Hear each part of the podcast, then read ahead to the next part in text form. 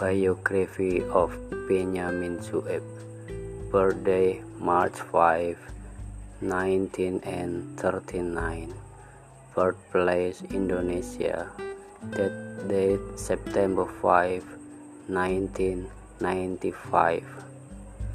Legendary Indonesian comedian, actor and singer who appeared in over 50 Indonesian films during his long career.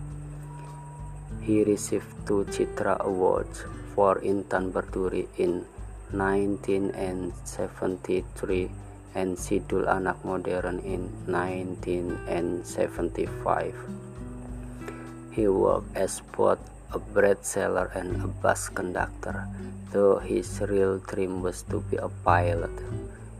In his career, he appeared in over 50 Indonesian feature films. He had a son with his wife, Noni, whom he married shortly after becoming a success. His music in the 60s was heavily influenced by the soul sound of James Brown.